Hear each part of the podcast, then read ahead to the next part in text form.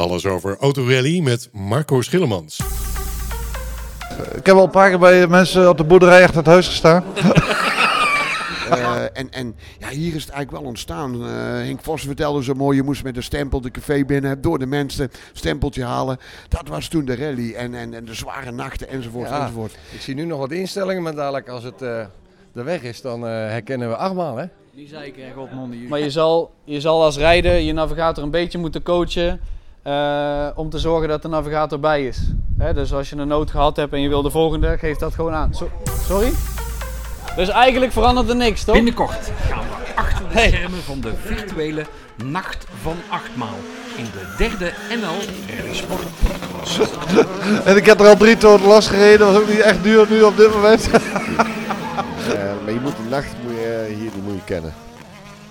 En uh, de, de, de, de, spanning was om te snijden. Ik moest toen met Juha Mitine rijden, of tegenrijden. En dat was niet de eerste de beste. En ik kan me nog herinneren, in 1990, het was miserig weer, oktober, altijd glad. De mais werd van het land afgereden. Alle weggetjes waren spekglad en die avond ook begon te regenen. Mitine stond voor het eerst met een 4x4 in de stad, weinig met de tweewielaandrijver. Welke auto was dat? Een Cheddar Cosworth en Mitine ook. Uh, dat was echt, uh, was een echte nacht van achtmaal.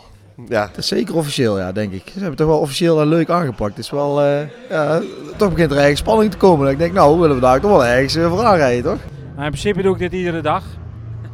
In de sim training voor een man. Ja. Nee, ik heb dat nog nooit gedaan. Nee.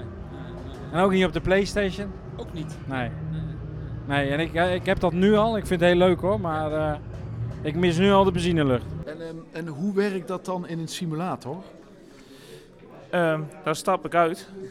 en dan. Uh, je valt van je buikrek af. En, dan, uh... en kijk, ook als we door de berm gaan en er is een hobbel, dan geef ik hem gewoon een duw. nee, dat was echt heel moeilijk. Maar gaat wel, je moet gewoon een paar keer oefenen, dan gaat het wel. Ja, Ralf, dit is prachtig, dit is uniek.